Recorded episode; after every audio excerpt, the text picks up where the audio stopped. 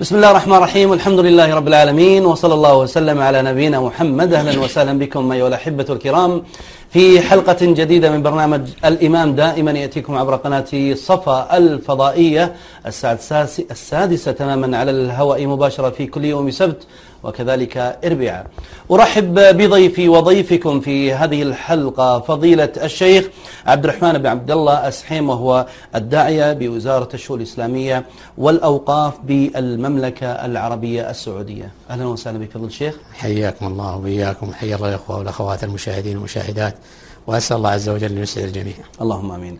أذكر أن هذا البرنامج برعاية الهيئة العالمية للمساجد. طبعا أذكركم تحدثنا كثيرا بالنسبة لأخطاء الأئمة آه، الأخطاء الفقهية وكذلك التربوية. في هذه الحلقة سنتحدث آه، وإياكم بإذن الله عن البدع التي لربما وقع فيها كثير من أئمة المساجد. وأذكر أن بعد قليل سيكون هناك الاتصال مفتوح عبر هذا الهاتف الذي يظهر تباعا على الشاشة. وأتمنى أن يكون دائما نذكر أن المداخلات تتحدث عن مضمون هذه الحلقة. فضل الشيخ طبعا حينما نتحدث لا نتحدث عن بلد بعينه نتحدث عن جميع بلدان البلدان الإسلامية أو حتى الجاليات الإسلامية في بعض البلدان الغربية أو بعض البلدان الغير طبعا مسلمة. ولكن البدع كثيرة جدا. فبودي بداية يعني من يرتكب البدعة جاهلا؟ ما هو ذنبه؟ ومن ارتكب بدعة عالما بها ما هو الذنب الذي يقترفه ومن ثم نتحدث عن البدع بشكل عام. الحمد لله والصلاة والسلام على رسول الله وعلى آله وصحبه ومن والاه. أما بعد فالله عز وجل بعث نبيه صلى الله عليه وسلم بالهدى ودين الحق ليظهره على الدين كله. ولا شك أن النبي عليه الصلاة والسلام ترك أمته على المحجة البيضاء ليلها كنهارها لا يزيغ عنها إلا هالك. ولذلك قال الله عز وجل في آخر حياة النبي عليه الصلاة والسلام اليوم أكملت لكم دينكم وأتممت عليكم نعمتي ورضيت لكم الإسلام دينا. قال الإمام مالك رحمه الله من ابتدع في الدين بدعة فرأها حسنة فقد اتهم أبا القاسم صلى الله عليه وسلم لأن الله يقول اليوم أكملت لكم دينكم الآية. قال فما لم يكن يومئذ يوم نزول هذه الآية في آخر حياة النبي عليه الصلاة والسلام في حجة الوداع فما لم يكن يومئذ دينا فلا يكون اليوم دينا. يعني الدين قد تم وكمل. لكن آه، بليت الأمة في بعض الأوقات بالفلسفة وبترجمة ما لدى ما يعني اليونان أو غيرهم فنشأت البدع. ووجد أناس يعني آه، ظاهرهم الخير ويريدون الخير لكن كما قال ابن مسعود رضي الله عنه كم من مريد الخير لن يصيبه. البدع ليست على آه، درجة واحدة وليست يعني كلها على مستوى واحد. العلماء يقسمون البدع إلى قسمين كما قال الشيخ الإسلام ابن تيمية وكما قال الإمام الذهبي رحمه الله. قالوا بدع كبرى وبدع صغرى. فالبدع الصغرى هي التي لا تخرج من الإسلام. والبدع الكبرى هي التي تخرج من الإسلام. فذكر الإمام الذهبي رحمه الله مثل البدعة الصغرى. قال مثل القول مثلا بالقدر إرجاء الفقهاء ليس الإرجاء الكامل. آه، قال يسير التشيع وينبغي أن يعلم أن التشيع غير الرفض لأنه عد الرفض الذي هو الحط على الشيخين والوقيع فيهم والصحابة والطعن في أمهات المؤمنين أنه من الرفض الكامل ليس هو التشيع. التشيع في عرف السلف أن يفضل بعضهم آه، آه، علي رضي الله عنه على عثمان يقدم علي على عثمان. هذا بداية التشيع أو هذا التشيع. أبو بكر شيخنا؟ لا لا يفضله آه. ولذلك جاء في زمن علي رضي الله عنه أنه قال من آه، فضلني على الشيخين جلدت حد المفتري. يرى أن هذه فرية أنه افتراء. هذا علي رضي الله عنه. فيسير التشيع مثل هذا. إما يعني وهذا يكون في الأئمة. قال الإمام الذهبي رحمه الله فلو ترك حديث مثل هؤلاء بحجة أنهم وقعوا في البدعة لترك آه، شيء كثير من الرواية ومن حديث النبي عليه الصلاة والسلام. ومنهم أئمة كبار. ومع ذلك كان الأئمة يأخذون عنهم ويرون عنهم كمثلا عبد الرزاق صاحب المصنف الإمام وكيع ابن الجراح شيخ الإمام الشافعي وشيخ الإمام أحمد شيخ الأئمة يعني. ومع ذلك لم لا ينقصوا هذا الوقوع في البدعة لأنهم إنما وقعوا فيها اجتهادا. وبعضهم إنما وقع فيها يعني نتيجة ما ترجح لديه. وبعض العلماء المتأخرين وقع فيها نتيجة المجتمع الذي هو عاش فيه. وجد آباءه على هذا الأمر فظن أن هذا هو الحق فنشأ عليه. هذا بالنسبة للبدع الصغرى. الصغرى. البدعة الصغرى التي لا تخرج بالإسلام آه، فيها تفصيل لأهل العلم. آه، هل يصلى خلف المبتدع أصحاب البدع الصغرى أو لا. وأما البدع الكبرى فلا خلاف بينهم أنه لا يصلى آه، خلف أصحابها وسيأتي إن شاء الله هذا في أثناء الكلام في الأئمة والإمامة والاقتداء وما يتعلق بذلك. طيب شيخنا نتحدث كذلك عن الكبرى ولو شيء من التفصيل لأنها مسألة مهمة جدا والكبرى بما أنك ذكرت أنها أعظم طبعا. نعم. قلت أن الإمام الذهبي رحمه الله قال البدع على قسمين بدع صغرى مثل يسير التشيع وبدع كبرى. قال مثل الحط على أبي بكر وعمر والطعن في أمهات المؤمنين فهذا هو الرفض الكامل. قال ولا أعلم إلى الآن يعني وقت كتابة كتابة لهذا وهو من تلاميذ شيخ الإسلام ابن تيمية قال فلا أعلم إلى الآن أن فاضلا اتهم بالرفض.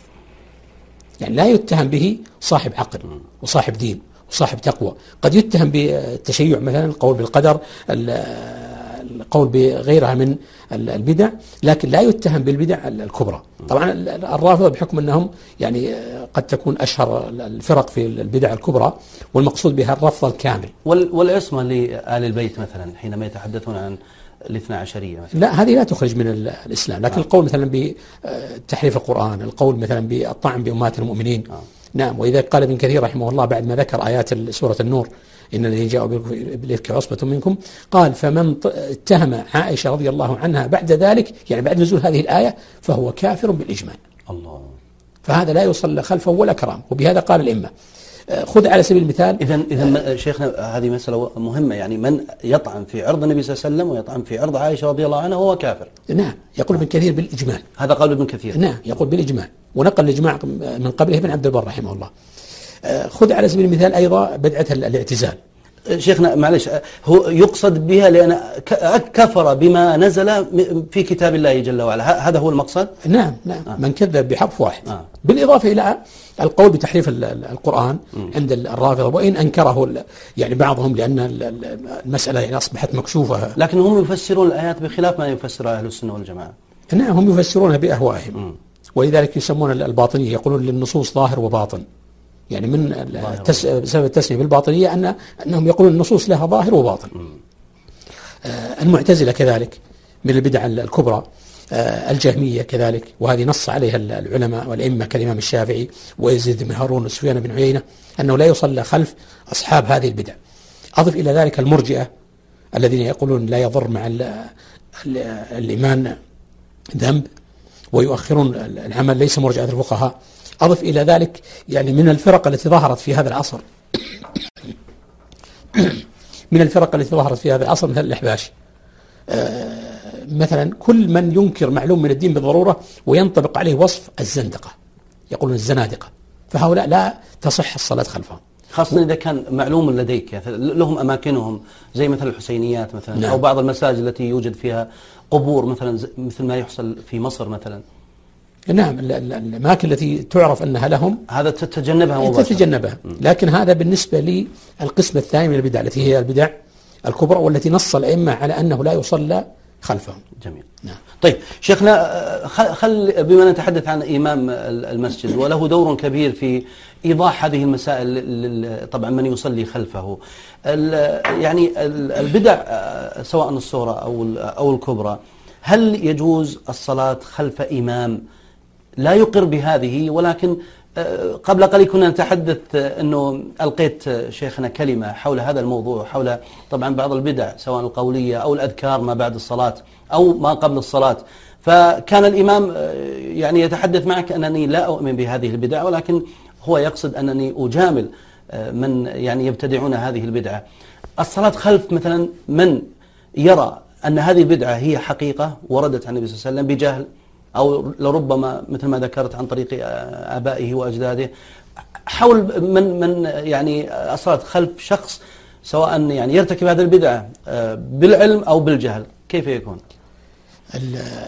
لو نبي نفصلها يا شيخ معذرة ابن أبي العز رحمه الله صاحب شرح الطحاوية العقيدة الطحاوية لما قال الإمام الطحاوي الطحاوي رحمه الله في عقيدة أهل السنة ونرى الصلاة خلف كل بر وفاجر.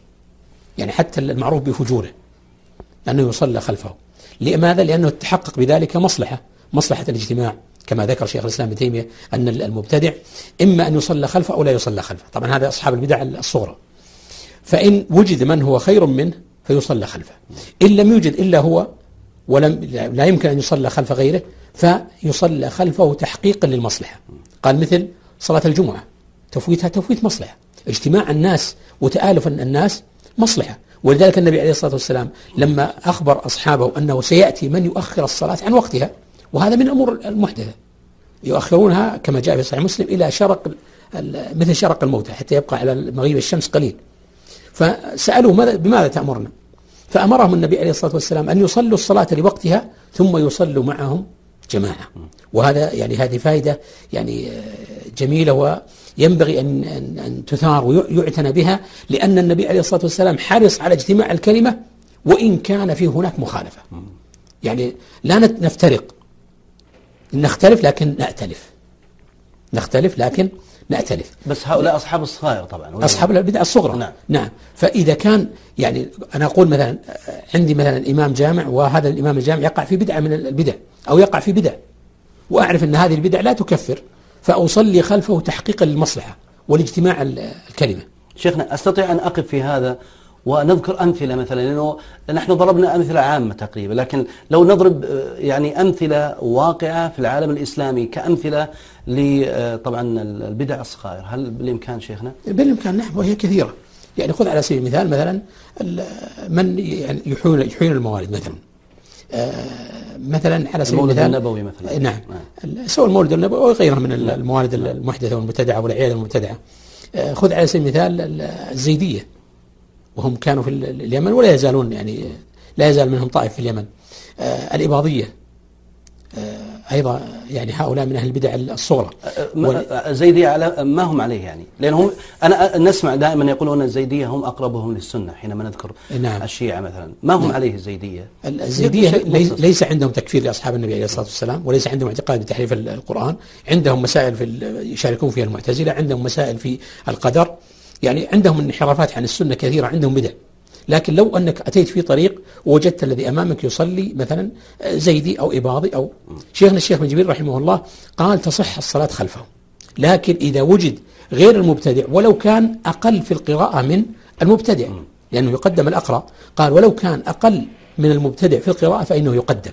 طبعا الأباضية مثل ما يحصل في عمان مثلا نعم في مثل ما في عمان نعم هؤلاء يعني آه، لا تخرجهم بدعتهم من الإسلام, الإسلام. نعم. نعم ولذلك يعني آه، هنا إشارة لطيفة إلى أن أهل السنة أهل عدل وإنصاف آه، لكن هل هذا ظاهر أمام الناس وهذا بودي نتحدث عنه نعم. يعني مثلا لو ذهبنا إلى الروافض هم يكفرون كل مسلم خاصة نعم. من أهل السنة والجماعة ويخرجونهم من الإسلام نعم. نحن أهل السنة والجماعة بخلاف هذا لا نخرج أي أي مثلا طائفة من الإسلام. نعم. يعني الآن مثلا آه، لما نأتي مثلا إلى اليمن على سبيل المثال في الوضع الحالي. نعم. فيها الرافضة وفيها الزيدية. نحن نقول تصح الصلاة خلف الزيدي ولا تصح خلف الرافضي مع أنهم كلهم أبناء بلد واحد بل قد يكونوا أبناء قبيلة واحدة. شيخنا هل يعني نستطيع أن نضع مثلا مثل ما يقال آه، نلامس الجرح الفرق بين الزيدية والروافض؟ مثل ما يحدث في عمان بما أنه الآن بالفعل هناك يعني كلام كبير جدا ما يحدث في عمان. أقصد آسف أقصد في اليمن شيخ. في اليمن نعم, نعم. الزيدية مثل ما قلنا قبل قليل أنهم يعني لا يكفرون الصحابة لا يقولون بتحريف القرآن, القرآن نعم. آه، لا يطعنون في أمهات المؤمنين في عرض النبي عليه الصلاة والسلام. الرافضة بخلاف ذلك ومعتقداتهم كثيرة بل قد ظهر منهم من أنفسهم من يدعو إلى تصحيح ما هم عليه. طيب شيخنا اسف مقاطعتك البعض من مثلا الشيعة لا يسب مثلا أبو بكر وعمر ولا يتهم عائشة رضي الله عنها ولكن لا يصلي يصلي بخلاف صلاتنا أو وضوءه بخلاف وضوءنا. هذا كيف يعني نحكم؟ كيف يعني ما ما نصنفه يعني؟ هل هو خارج من دائرة الإسلام أم ماذا؟ هو الحكم للغالب. هل هذا الرجل يعني في اعتقاده اعتقاد الرافضة أو اعتقاد الزيدية؟ لكن صلاته يا شيخ نعم. نرى صلاتهم بخلاف صلاتنا. قد يكون مثلا أحيانا من اختلاف الصلاة مثلا سد اليدين مثلا سد اليدين. آه. هذه ليست قضية يعني فصل بين الناس أو حتى بين المسلمين أو حتى بين يعني المصلين. والوضوء لأنه أنا شاهدت يعني وال- وكثير من الناس شاهدوا بعض المقاطع. يعني وضوءهم يختلف مثل مسح الرأس مثلا مسح آه، غسل أو غسل الرجلين هم يقولون لا. هو داخلة في مسح الرجلين وليس الغسل. أي هذه كنت أيضا أتحدث عنها التي هي التفريق بين ال- الاجتهاد الذي له حظ من النظر والاجتهاد الذي ليس له حظ من النظر. يعني سئلت قبل أيام امرأة تقول زوجي يمسح على قدميه وهو ليس الرافضي تقول هو من أهل السنة لكنه اقتنع بهذا القول. فهل تصح صلاتي خلفه؟ لأنه هو يصلي في البيت لا أدري في أي بلد هذا لكن تقول زوجي يصلي في البيت هل أصلي خلفه أو لا؟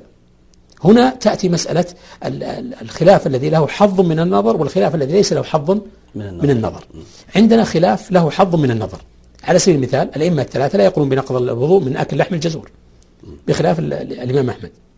فلو أتيت إلى إمام مثلا شافعي أو مالكي ولم يست- يستبن له الدليل وهو على هذا المذهب فصلى تصلي خلفه. لكن أتيت إلى شخص ليس لقول حظ من النظر كالذي يمسح على قدميه في الوضوء. هذا ليس له حظ من النظر. بل نقل يعني جمع من أهل العلم كابن عبد البر والنووي رحمه الله وغيرهم نقلوا الإجماع على أنه لا تصح الصلاة.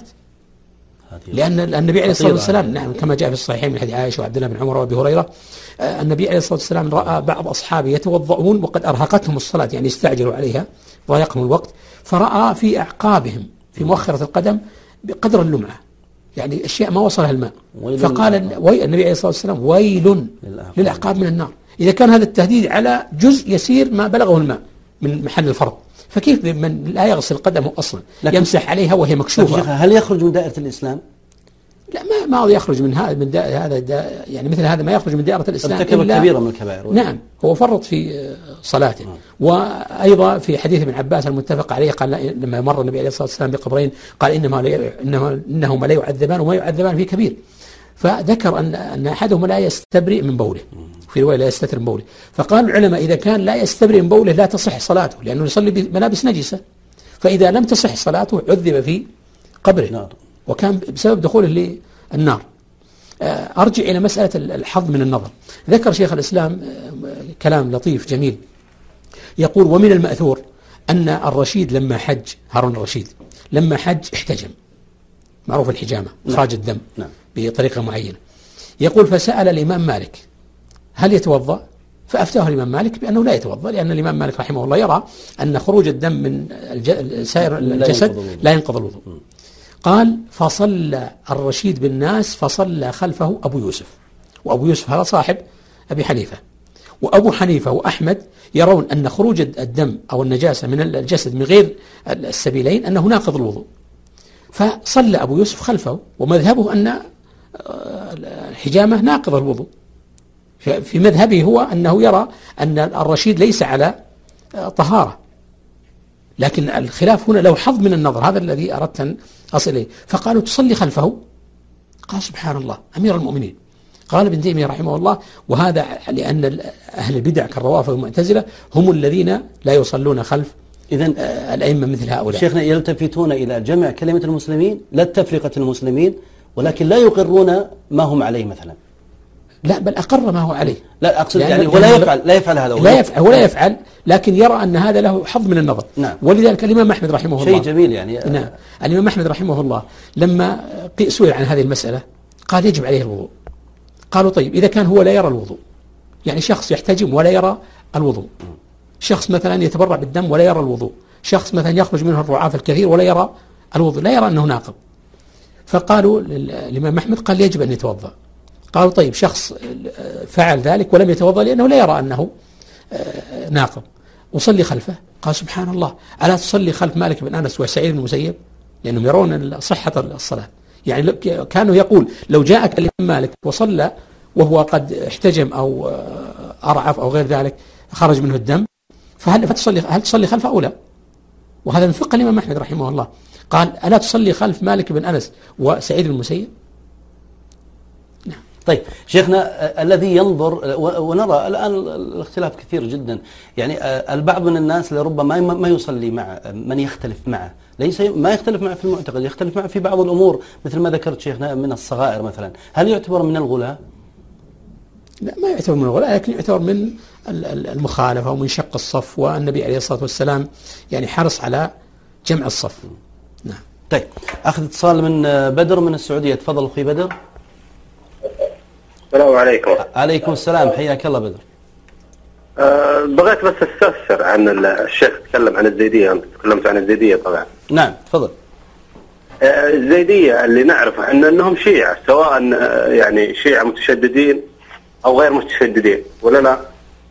طيب. ولا هم غير الشيعة؟ طيب تريد أن تتحدث مع فضيلة الشيخ وأنت على الهواء؟ إيه. إيه تفضل فضيلة الشيخ نعم. المعروف عن الشيعة الزيدية أنهم شيعة لكن الشيعة ليسوا على درجة واحدة. العلماء يقسمون فرق الشيعة ربما إلى آه، قرابة السبعين فرقة. لكن المقصود بالغلاة منهم آه، الذين يسمون في مثلا زماننا هذا الشيعة الإمامية الاثنى عشرية الجعفرية. قد يلتحق, يلتحق معليش بدر بدر بدر, بدر لو سمعت خلي الشيخ يكمل حتى تفهم ويفهم المشاهد. تفضل. ويلتحق يلتحق يلتحق بهم أيضا من الغلاة الإسماعيلية ويلتحق بهم من هم أشد من منهم اللي هم النصيرية. نعم. نعم أخي جميل جميل جدا. لكن أنا أقصد الزيدية شيعة سواء اثنى عشرية أو نصيرية أو متشددين أو غير متشددين معتقدهم غير معتقد أهل السنة والجماعة. وقد تكون الزيدية أصلا أنها تستخدم كتقية. بس أخي بدر لازم تعرف كلمة الشيعة ويعرفها الآن. يعني آه، كلمة الشيعة أو آه، آه، الروافض. لابد أن تفرق بين هذا ولا لفضل الشيخ بلى. من يشايع علي رضي الله عنه نعم. أو من يرفض ويتهم عائشة نعم نعم وقلنا في أول قلنا في أول كلام أن هناك من أئمة الإسلام من الأئمة الكبار نعم. من وصف بالتشيع. وذكرت أنا والصوفية نعم كلام جميل. في في البعض حتى قد يوصف بالصوفية لكنها نعم. الصوفية الحسنة. لكن نعم لكن تكلمنا في أول في أول كلام. الزواج من امرأة زيدية؟ نعم. سؤالك الزواج الزواج من امرأة زيدية هل يجوز؟ هل هو مشروع؟ هناك فرق بين الزيدية والرافضة نحن لا نتكلم هنا لا نتكلم هنا في برنامج فتوى حتى نتكلم عن آه، الزواج من آه، زيدية أو من رافضية أو من آه، نصيرية أو من إسماعيلية أو غيرها نحن نتكلم عن الإمامة والاقتداء البرنامج هذا آه، برنامج الإمام ليس برنامج فتوى حسب علمي. نعم. الكلام جميل أخوي بدر أخوي بدر أخوي بدر أخوي بدر. أخوي بدر معليش إذا تكرمت علي أخوي بدر. أنه المفروض ما نطبطب عليهم كزيدية أو غيره. لا لحظة أخوي بدر أخوي بدر. قبل قليل ذكر فضل الشيخ أن هناك من يرتكبون طبعا الصغائر وهناك من يرتكب الكبائر. وذكر فضل الشيخ أن الزيدية هم يرتكبون الصغائر. فبالتالي يجوز ما يجوز لأهل السنة والجماعة. حتى لا نخرج بعيدا وطبعا نضع أنفسنا في مثلا زواج وغيره. لكن إذا كان هناك سؤال حول هذا الموضوع جميل. ليس هناك سؤال شكرا لك. خلاص سؤال أخير سؤال أخير. بس واضحة بدر أخوي بدر واضحة؟ شاكر, شاكر لك. لا لا واضحة واضحة. واضحة ولا لا؟ واضحة واضحة الفكرة جميل جميل. شيخنا وهذه المشكلة أنا ما ودي أقع في مسألة الغلاة. يعني نتكلم دائما حتى في قناة صفا ونذكر أن هناك من الشيعة المعتدلين. فيتم الاتصال علينا بهجوم عجيب جدا. ليس هناك شيعة من المعتدلين نحن نتحدث بإنصاف. نعم أنا قلت هذا في أثناء الكلام. قلت أهل السنة أهل عدل وأهل إنصاف. نعم جميل يعني يا لما نتكلم عن الزيدية عن الإباضية يجب أن نتكلم بإنصاف. لأن هؤلاء ما زالوا داخل دائرة الإسلام. الله لما نتكلم عن الرافضة الرافضة هؤلاء قوم يعني أصلا يعني هم لما تناقشهم يقول لكم دينكم ولي دين الله. يعني أهل السنة أهل عدل وإنصاف.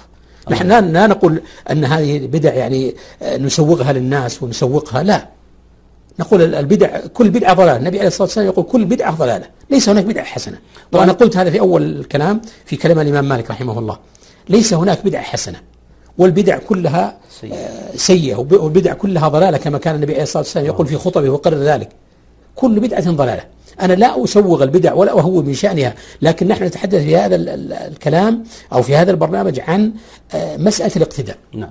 إذا اقتديت مثلا بشيعي مثلا زيدي اقتديت بإباضي طبعا علماءنا في اللجنة الدائمة يمنعون من ذلك والسبب في ذلك أن أنهم ينظرون إلى أن أن المبتدع ليس محل للتقديم والتكريم. طيب نعم. أخذ اتصال من ناصر. تفضل ناصر. السلام عليكم. عليكم السلام ورحمة الله حياك الله. طال عمرك انت ما تفرق لا بين تفرق أنت بين الشيعة والرافضة هم كلهم آه، مسمى واحد يعني سواء كانوا شيعة أو رافضة العقيدة واحدة العقيدة واحدة مضادة للرسالة طيب أخوي ناصر. أخوي ناصر هل أنت. لحظة ناصر ناصر خليك معي. خليك معي عشان حتى نفهم. ويفهم المشاهد أنت تتحدث عن علم واطلاع ومعرفة أم تتحدث فقط بمجرد ما تراه عبر وسائل الإعلام مجرد هوى أنا أنا اللي اعلمك فيه أنا اللي أشرح لك فيه طال عمرك. اللي أنا اشرح لك أنا اللي اشرح لك أنا عنه. أنا أسألك أنا أسألك ما الحين. في فرق بين الشيعة والرافضه أنا أسألك أخوي ناصر حتى يجيب الشيخ حتى يجيب. أنت تتحدث عن علم واطلاع ومعرفة أم أنت تتحدث عبر يعني ما تراه من وسائل الإعلام ومجرد هوى. لا لا من القراءة من كثر ما أقرأ عنهم. ماذا قرأت حتى يكون الشيخ معنا ويرد عليك؟ ماذا قرأت؟ قرأ- قرأت عنهم طال عمرك أن أكثرهم أكثر الشيعة أكثر الشيعة أكثر الشيعة. الآن خاصة ال- ال- الشيعة الاثني عشرية هم أكثر الفرق طال عمرك آه، زي ما تقول أخوي تكفير. ناصر نحن نتحدث عن أو من أقل. يا. ناصر ناصر. وعندهم عقائد يا ناصر. يا. ناصر أخوي ناصر. نحن لا نتحدث عن أقل أو أكثر. نتحدث أن هناك مثل ما ذكر فضل الشيخ أقربهم للسنة ألا وهم الزيدية وذكر فضل الشيخ أنهم يرتكبون الصغائر لا يرتكبون الكبائر و- ولم يخرجوا من دائرة الإسلام. ويطلق عليهم أنهم شيعة. ه- ه- لا نتحدث عن أكثر أو أقل. واضح؟ أخوي ناصر أنا معي؟ معك أنا- أنا معك في الشيء هذا كله أنا معك في الشيء هذا كله طال عمرك وبكلام الشيخ. الشيخ يقول إن الزيديه أقل. الفرق ال- الشيعة طال عمرك آه، تكفير واقلهم طال عمرك آه، آه، عنصرية وطائفية ومن الشيء هذا كله. هذا طيب عموما شكرا لك يا ناصر. هذا بخلاف ناصر عموما شكرا لك شكرا لك يا ناصر شكرا لك. هذا بخلاف ما نتحدث فيه. شيخنا أنا ودي حتى لا يلتبس على المشاهد أنا ودي توضح المسألة هذه. هم بالفعل الروافض يعني هم يكرهون المسلمين ويكفرون المسلمين. أنا ودي توضح المسألة هذه. نعم. هي قضية ال- ال- الرافضة والشيعة يعني يخلط أحيانا بعض الناس بينها. جميل. يعني عنده شيعي يساوي رافضي وهذا غير صحيح. أنا قلت قبل قليل في اتصال أخونا الاتصال قبل أول واحد قلت أن ال- الفرق الشيعة قد يوصلها بعض العلماء إلى سبعين فرقة. نحن لا نتحدث عن الغلاة نعم. سواء في الصوفية أو من ال- ال- الرافضة أو مثلا الفرق التي تتبعهم الإسماعيلية والنصيرية وغيرها لا نتحدث عن هؤلاء. قلنا هؤلاء أصحاب بدع كبرى مغلظة ولا كرامة. لا نتحدث عنهم ولا نسوق ال- البدع أكرر هذه ال- ال- ال- الكلمة ولا نسوغ البدع أيضا. أنا أقول يعني مسألة إذا بلي الإنسان بها ومعروف عن شيخنا الشيخ عبد الله بن جبريل رحمه الله معروف شدته على الرافضة وفتاوى في شأنهم. ومع ذلك يقول إذا صليت خلف ال- الصلاة خلف ال- الزيدي أو الإباضي تصح. لكن لا يقدم. إذا وجد أنا كررت هذا الكلام. إذا وجد من هو أق- أقل قراءة منه فيقدم. قالوا مع ذلك لا يقدم ال- المبتدع. لكن نفترض أنك يعني دخلت مسجد على الطريق أو في سفر أو في غيره فوجدت شخص يصلي. فلما انتهت الصلاة تبين لك أن هذا الشخص مثلا من ال- البلد الفلاني ويغلب على ظنك المعتقد ال- الذي هو عليه. يعني إما مثلا من آه، إرسال يدين كما يحصل مثلا عند ال- الإباضية وغيرهم أو غير ذلك. أو قال لك شخص أنني سألته وقال لك أنني زيدي. ماذا تفعل هنا؟ الحكم الشرعي هل تعيد الصلاة أو لا؟ جميل. نعم. هذا الذي نريد أن نصل إليه. نحن لا نهون من شأن البدع. أما إذا شيخنا معذرة أما إذا تحقق لك أنه يسب أبو بكر وعمر ويتهم عائشة فهذا يعني لا لا تصلي خلفه وتعيد صلاته. نعم لا تصلي خلفه. وقلت أنا في أول كلام أيضا أكرر هذا الكلام لي آه، قد يكون بعض بعض الأخوة المشاهدين آه، ما أدرك هذا الكلام. أن الإمام الشافعي رحمه الله يزيد بن هارون وسفيان بن عيينة قال لا تصلي خلف الرافضي. جميل. نعم. بل قالوا لا تصلي خلف الرافضي ولا الجهمي ولا المعتزلي ولا القدري. طيب أنا أكمل شيخنا لكن أخذ اتصال من أبو تركي. تفضل أبو تركي. السلام عليكم ورحمة الله. عليكم السلام حياك الله. يا طويل العمر أنا أشوف أنكم قاعدين تفرقوا بين الرافضة والشيعة وهم في الحقيقة يعني واحد. نحن في المنطقة الشرقية ونحتك فيهم وإذا دخلت فيهم وأعطوك الأمان يبتدي الواحد يتعرف على طبيعتهم بالتدريج يعني. فمعظمهم أو كلهم يتبعوا التقية بينهم وبين بعض في المجالس الخاصة بهم.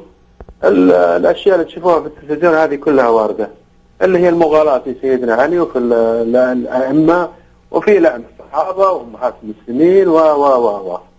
فالاحتكاك والم... أنا ما أتكلم من واقع متابعة تلفزيون أو متابعة محطة أو برنامج وكذا.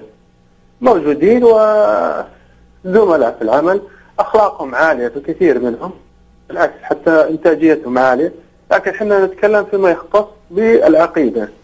طيب العقيدة فاتحة أبو تركي أبو تركي أنا ودي تبقى معي تكرما. فضيله الشيخ تفضل فضل الشيخ أنا قلت وكررت نحن يجب أن لا نخلط بين ال- الرافضة وبين الشيعة. نعم. ال- الأخ أبو تركي يتكلم عن واقع ال- الرافضة في المنطقة الشرقية مثلا. آه، الرافضة مثلا في العراق الرافضة مثلا في إيران الرافضة مثلا في باكستان الرافضة في اليمن. نحن لا نتكلم عن هؤلاء. هؤلاء لا يصلى خلفهم ولا كرامة. بل إنني أقول وهذا ليس مجال هذا الكلام لكنني سأقوله من باب سأقول هذا الكلام باب التوضيح. أن الرافضة أصلا لم يدخلوا في دين الإسلام حتى يحكم بكفرهم. هل يطلق لا، هل يطلق عليهم. شيعة يا شيخ؟ هل يطلق على الرافضة شيعة؟ يطلق شيعة لكن من باب العموم لأنهم داخلين في التشيع. لكن لا أتكلم عن الرافضة يعني وما يتعلق بهم. أنا أتكلم عن آه، آه، التفريق بين الرافضة وبين الشيعة. قلنا يدخل في الشيعة مثلا الزيدية. وهؤلاء ليسوا الزيدية ليسوا بروافض لو تسمح لي فضيلة الشيخ لو تفضل تفسروا لنا ما ما ما تفسير أو شرح كلمة رافضة، رافضة ما معناها؟ الشيعة هم رافضة والرافضة هم شيعة هذا اللي نعرفه. لا هذا الذي هم ما عندهم تفصيل، هم ما عندهم تفصيل، هم يعتبروا أنفسهم شيعة الإمام علي والأئمة اللي من وراء هذه ائمتهم وينكروا آه، يعني يعني يسبوا فعلا الصحابة وامهات المسلمين ويجمعوا صلاة الظهر مع العصر والمغرب مع العشاء والخمس والامور الثانية اللي هي كلها بدع. طبعا لا نصلي خلفهم. يا توضح. طيب أبو تركي آه، خل خ... آه، لا. دا- آه، ودي الشيخ بس يفصل لك. آه، تفضل شيخ. تفضل أبو, تفضل. أبو تركي الله يحفظك. أنا ت- لي عناية و يعني يعني ليست جديدة بل هي قديمة بكتب الرافضة. وسبب هذا ال- ال- الأمر أنه بعد وفاة جعفر الصادق انقسم ال- انقسمت فرق الشيعة إلى أقسام. منهم من آه، تبع زيد آه، وقالوا آه، وهم الزيدية. وقال ال- يعني آه، سبب التسميه بالرفض أنه قال رفضتموني لأنه رفض أن يسب الشيخين. رفض أن يسب أبا بكر وعمر رضي الله عنهم.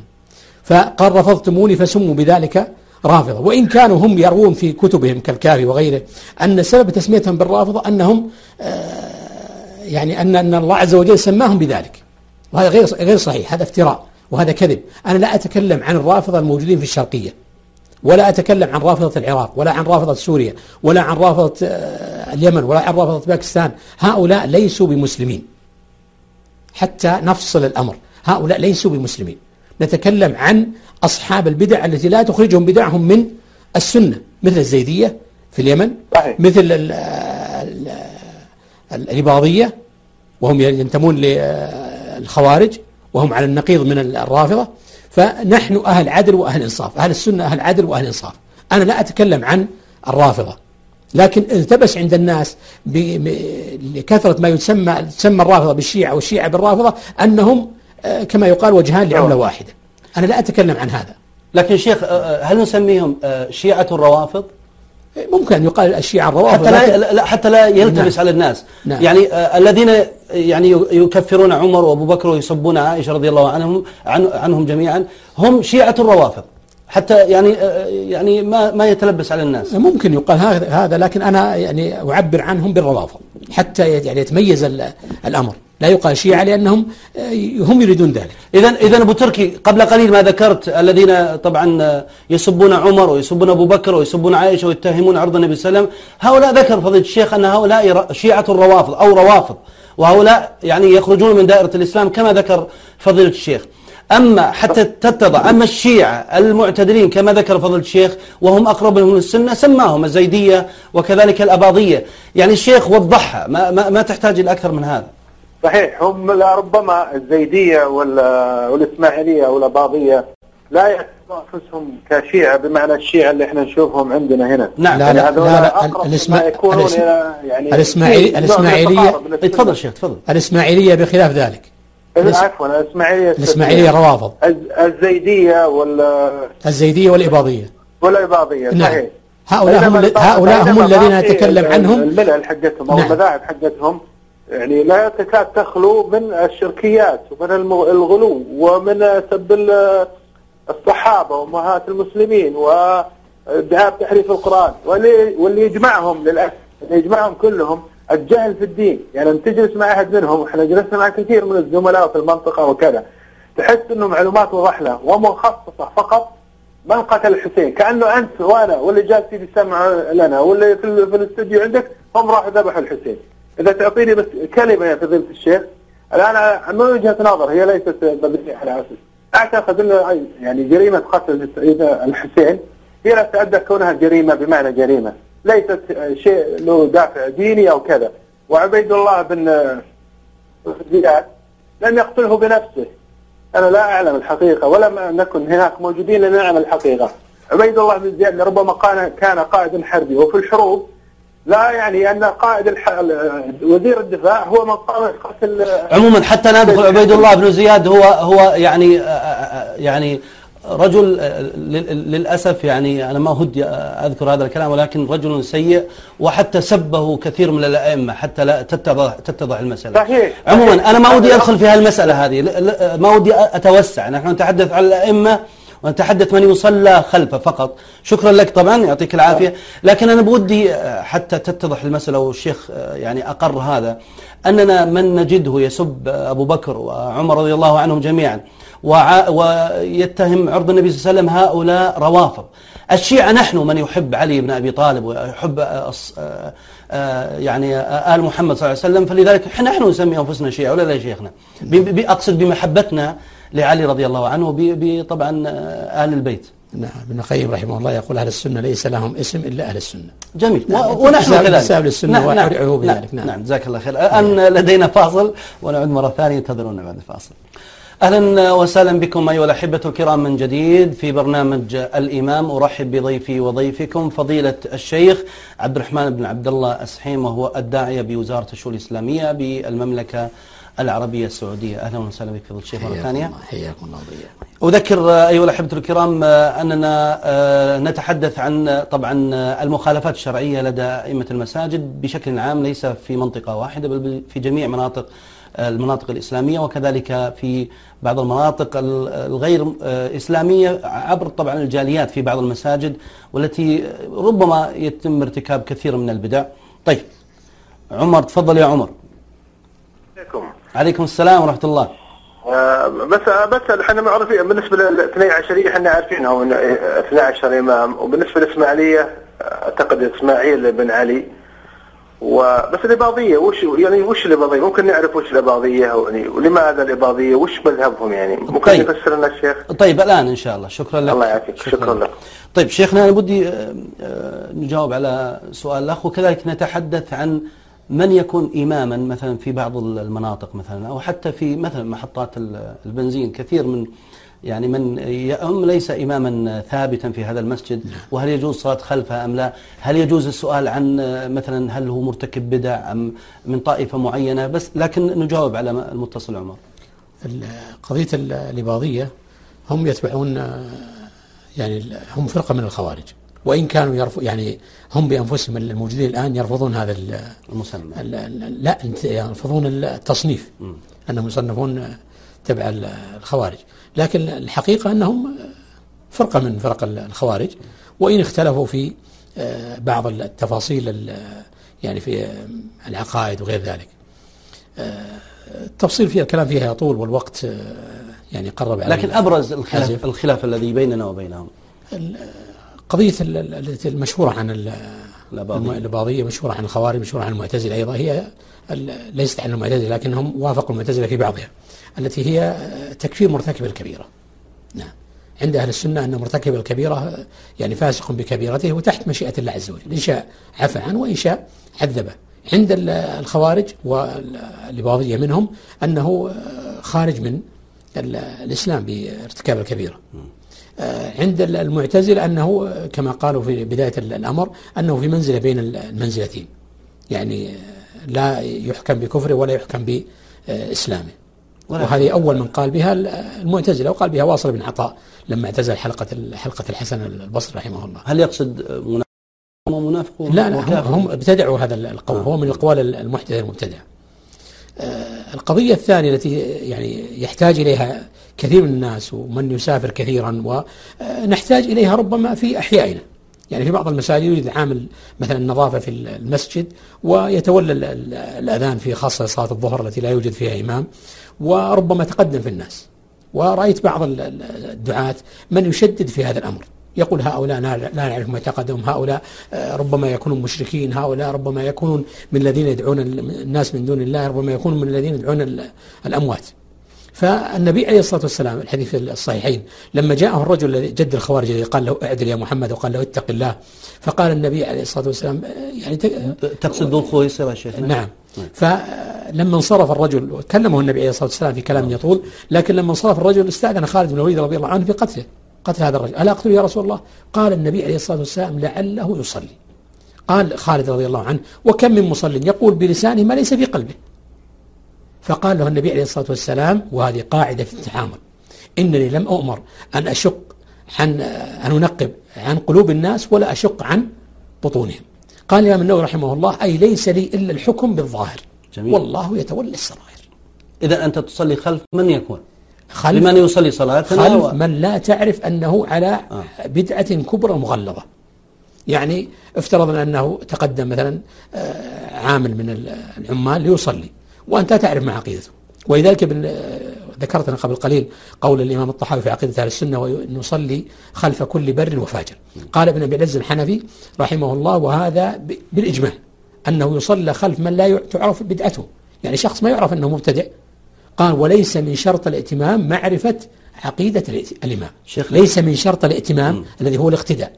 معرفة عقيدة الائتمام ولا امتحانه بذلك. يعني كان في السابق من يدخن لا يصلون خلفه شيخنا فكيف من أهل البدع نعم. الظاهرة الواضحة؟ هو, طيب. هو لا شك أن أنه يقدم يعني الناس أو أولى الناس بالإمامة أقرأهم بكتاب الله نعم. وأتقاهم وأعلمهم بالسنة و طيب. إلى غير ذلك. شيخنا يعني وهذا يحدث كثيرا حينما يكون الإنسان مسافر إلى منطقة معينة فيدخل بعض المساجد فيرى من يصلي وأمامه مثلا تراب أو أمامه أكرمكم الله حصات أو منديل وهذا واضح يعني واضح هل يترك ولا يصلي خلفه حتى لو يصلي لوحده؟ نعم.